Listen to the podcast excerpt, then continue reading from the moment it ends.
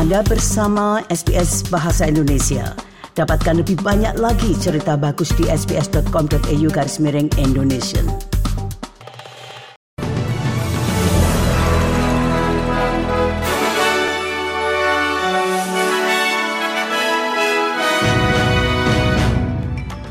Berita terkini SBS Audio Program Bahasa Indonesia untuk hari Minggu 3 September 2023.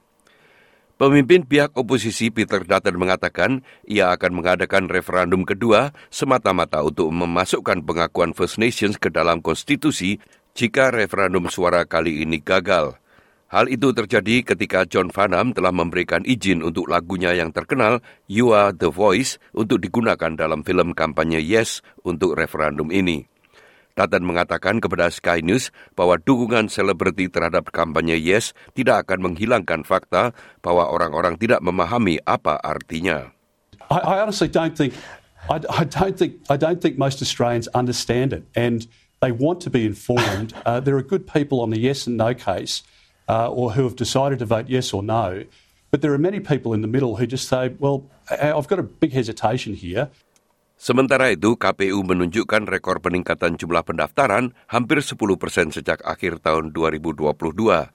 Peningkatan ini terutama terjadi di kalangan masyarakat First Nations, di mana terdapat perbedaan pendapat mengenai jawaban mana yang harus dicantumkan dalam surat suara.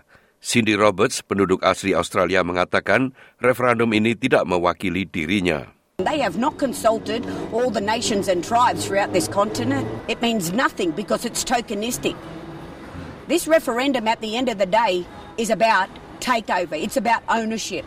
So what they're actually doing is that they're actually actually asking the Australian people and my people by deceiving my people, thinking, oh, they're going to have all this land back, you're going to have this, you're going to have that, but actually, you're going to end up with nothing. Menteri Hubungan Tempat Kerja Tony Burke akan memperkenalkan perubahan baru pada Undang-Undang Industri dalam persidangan Parlemen Federal yang dimulai kembali pada hari Senin 4 September. Rencana undang-undang yang menutup celah ini akan mendefinisikan pekerjaan lepas, menetapkan standar minimum bagi kontraktor independen dalam gig ekonomi, dan melindungi pekerja dari diskriminasi jika mereka terkena dampak kekerasan dalam rumah tangga. One of the striking things about the big cases of wage theft that we've seen hasn't just been the quantum, it's been how many years it's gone on before we've got to it. So there's changes both for union delegates and right of entry for union officials. Union delegates already work in the workplace. Mm. Okay, so they're people who are already employed, and we've got a provision there to be able to have them trained so that they get some rights uh, to be able to represent their fellow workers Flight Center telah meluncurkan kampanye iklan yang memprotes keputusan pemerintah federal untuk memblokir Qatar Airways mengoperasikan penerbangan tambahan ke Australia. Kepala Eksekutif Flight Center, Graham Turner, telah memasang iklan surat kabar satu halaman penuh di seluruh negara ini menuntut pemerintah membatalkan keputusan tersebut.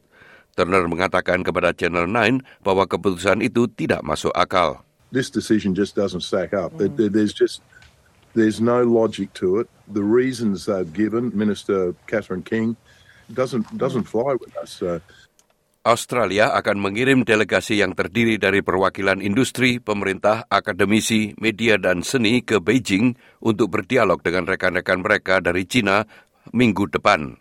Kementerian Luar Negeri Australia mengatakan pada hari Sabtu, hal itu digunakan untuk menstabilkan hubungan Australia dengan China perdagangan, investasi, hubungan antar masyarakat serta keamanan regional dan internasional merupakan isu-isu yang akan dibahas dalam pembicaraan Kamis depan. Demikian dikatakan oleh Menteri Luar Negeri Australia Penny Wong. Militer Korea Selatan mengklaim Korea Utara telah melakukan uji coba rudal lagi. Mereka mengklaim beberapa rudal jelajah ditembakkan ke arah Laut Kuning pada hari Sabtu dini hari. Korea Utara telah melakukan serangkaian uji coba rudal dan latihan militer dalam beberapa pekan terakhir, termasuk simulasi serangan nuklir terhadap ibu kota Korea Selatan, Seoul, dan peluncuran satelit mata-mata yang gagal. Pengadilan Administratif Olahraga Spanyol memulai proses untuk memberikan sanksi kepada Rupiales atas dua pelanggaran kesopanan setelah ia mencium seorang pemain tanpa izin. Pejabat Perdana Menteri Spanyol, Pedro Sanchez, memuji reaksi tim sepak bola nasional wanita Spanyol tentang kontroversi yang melibatkan Presiden Federasi Sepak Bola Spanyol, Luis Rubiales. Spain is a women's country. Our players have won twice. Once on the pitch and once giving a lesson to the world on equality between men and women. Here we have many feminists, but a long time ago there were very few who fought for equality between men and women. Now there is a giant, unstoppable wave of women who have decided to stop submitting to men, their boyfriends, their husbands, their bosses, the presidents of sports federations, or anyone else. It is over. Sekian berita SBS Audio program Bahasa Indonesia yang disampaikan oleh Ricky Kusumo.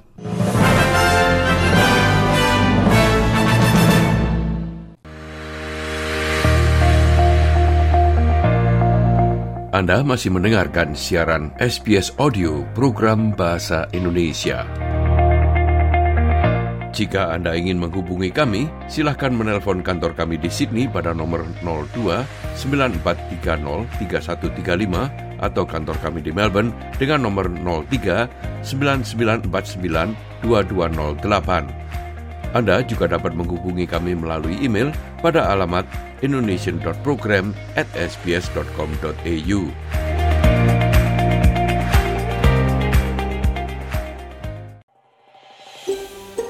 Anda ingin mendengar cerita-cerita seperti ini? Dengarkan di Apple Podcast, Google Podcast, Spotify, atau di mana pun Anda mendapatkan podcast Anda.